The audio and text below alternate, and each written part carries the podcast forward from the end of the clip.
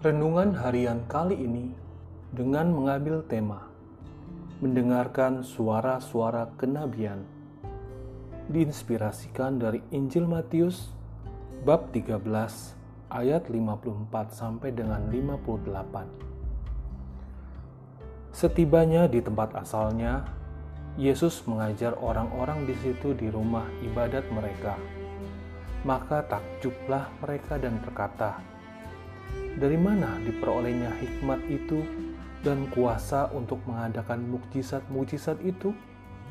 Bukankah ia ini anak tukang kayu?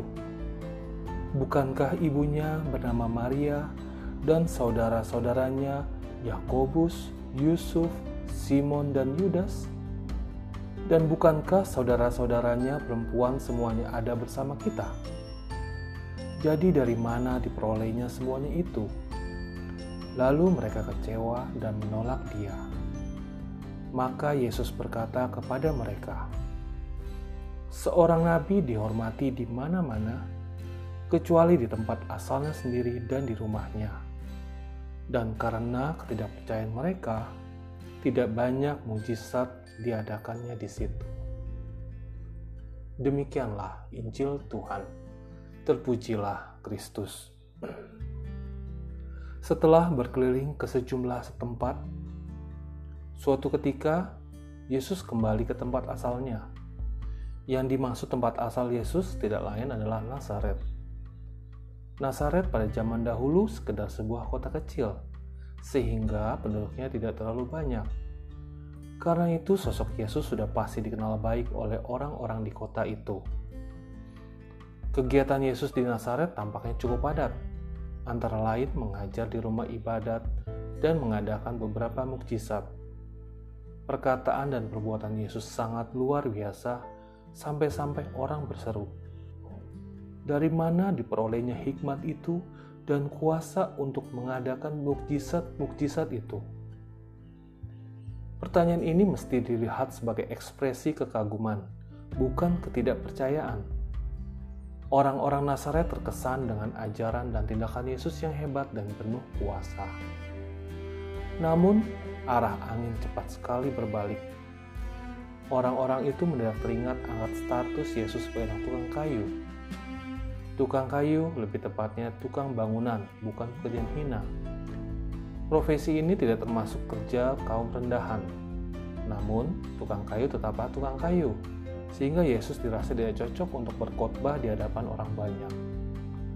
Mereka juga teringat bahwa Yesus berasal dari kalangan mereka sendiri dan bahwa ibu serta saudara-saudarinya pun mereka kenal. Mengingat latar belakang Yesus yang biasa-biasa saja, orang Nazaret kehilangan minat untuk mendengar ajarannya dan enggan untuk percaya kepadanya.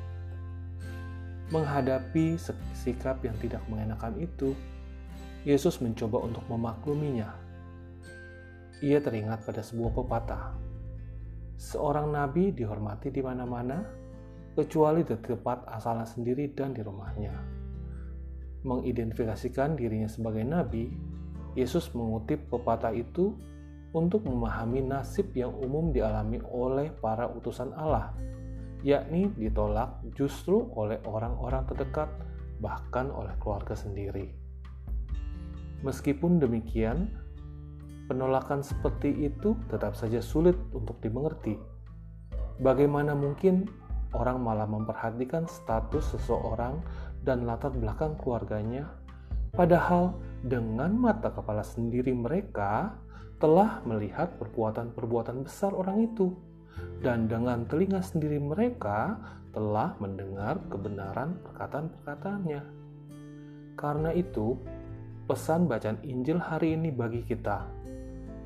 Bukalah selalu hati kita bagi karya-karya Allah yang datang menyapa kita dengan segala macam cara, yang paling remeh sekalipun.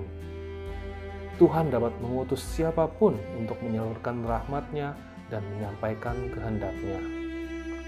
Pada masa sekarang, orang-orang yang bergelar nabi memang sudah tidak ada lagi. Tetapi Tuhan tidak pernah memadamkan semangat kenabian di hati umatnya. Mari kita membuka telinga, untuk mendengar suara-suara itu yang bermaksud menuntun hidup kita agar senantiasa berada di jalan kebenaran.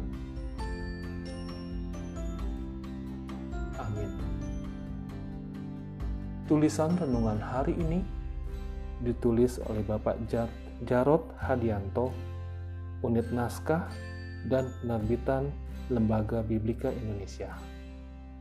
Terima kasih sudah mendengar. Tuhan memberkati.